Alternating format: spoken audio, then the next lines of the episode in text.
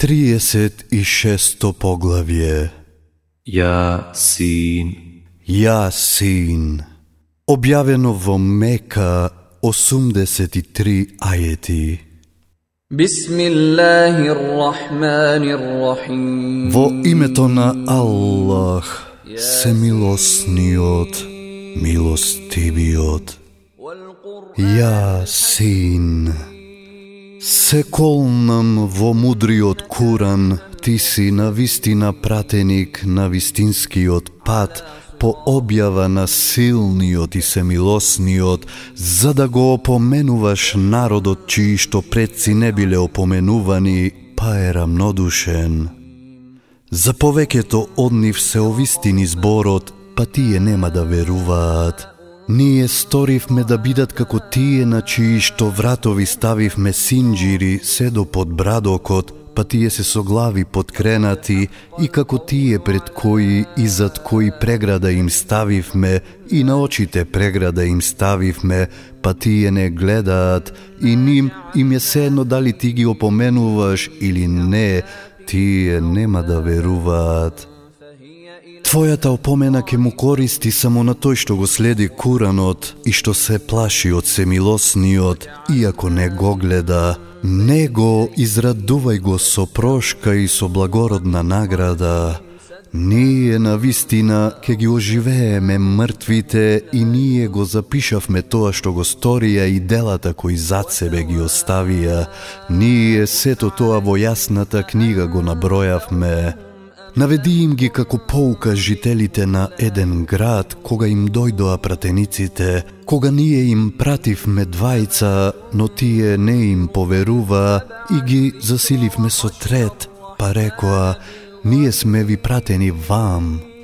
Вие сте луѓе како и ние, одговорија тие, Семилосниот не објави ништо, вие зборувате невистина. Господарот наш знае дека навистина сме ви пратени вам, рекоа тие, и должни сме само јасно да известиме. Тие рекоа, ние насетуваме дека ни носите несреќа, ако не престанете, ке ве каменуваме и сигурно ке ве стигне болно страдање од нас. Причината за вашата несреќа е со вас, рекоа тие, зарем затоа што сте предупредени, Та вие сте народ кој секоја граница на злото ја преминува. И од крајот на градот, итајки, дојде еден човек и рече О, народе мој, следете ги пратениците, следете ги тие кои од вас не бараат никаква награда, а се на вистинскиот пат. Зошто да не го обожувам тој што ме создал, а не му ке му се вратите? Зошто да прифатам други богови покрај него? Ако се милосниот сака да ме снајде некое зло, нивното посредување нема да ми биде од никаква корист и тие нема да можат да ме спасат, а јас тогаш би бил во вистинска заблуда. Јас верувам во Господарот ваш, слушнете ме. И ке се рече, влези во дженнетот, а тој ке рече, Камо среќа мојот народ да знае зошто Господарот мој ми прости и ме направи почествуван. И против народот негов, по него, ние не испративме војска од небото, ниту некогаш сме го сториле тоа. Само би се слушнал еден ужасен крик и тие сите одеднаш би испоумирале. О, колку се кутри луѓето, ниту еден пратеник не им дојде, а да не му се исмејува. Како ли тие не знаат колку народи пред нив уништивме од кои никој не им се вратил, а сите тие ќе бидат заедно пред нас доведени. Доказ им е мртвата земја, ние животи даваме и од неа никнува житото кое тие го јадат.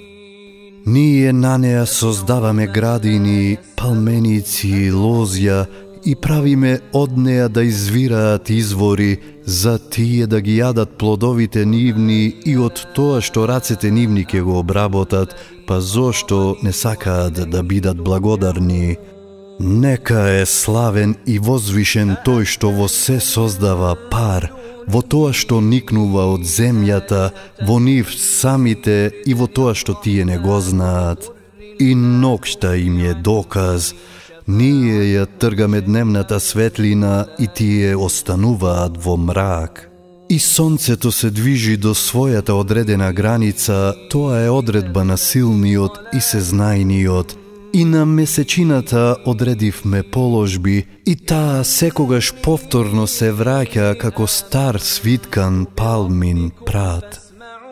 Ниту сонцето може месечината да ја стигне, ниту ноќта денот да го престигне, сите тие во Вселената пловат, Доказ им е и тоа што потомците нивни во преполните бродови ги превезуваме и што за нив и слични на нив ги создаваме тие на кои што се возат.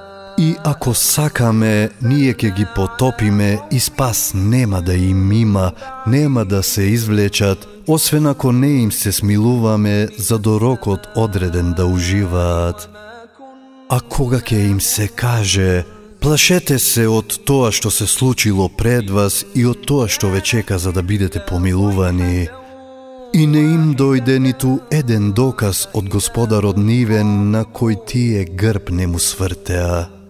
А кога ќе им се каже, давајте од тоа што Аллах ви го дава, тогаш неверниците им говорат на верниците, Зарем да го храниме тој што Аллах да сакаше, можеше да го нахрани.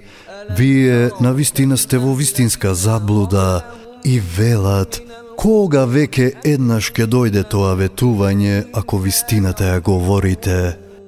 А не чекаат ништо друго, туку страшен глас кој ќе ги обземе додека се препираат едни со други, па нема да можат ништо да порачаат, ниту па на чедата свој да се вратат.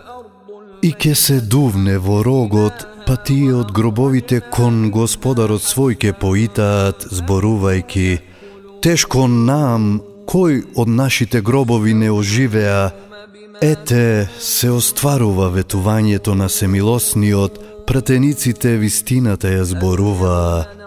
Ке биде тоа само еден глас и тие сите пред нас ке се најдат. Денес нема никому неправда да му се стори и вие според тоа што го правевте наградени ке бидете. Жителите на дженнетот тој ден ке уживаат во благодатите, весели и радосни. Тие и сопругите нивни ке бидат во ладовина, на украсени дивани подпрени, во него ке имаат овошје и тоа што ке сакаат. Селам на вас, ке бидат зборовите на милостивиот Господар, а вие, о грешници, одвоите се денес. О синови Адемови, зарем не ви наредив, не го обожувајте шејтанот, тој ви е отворен непријател, туку обожувајте ме мене, тоа е вистинскиот пат.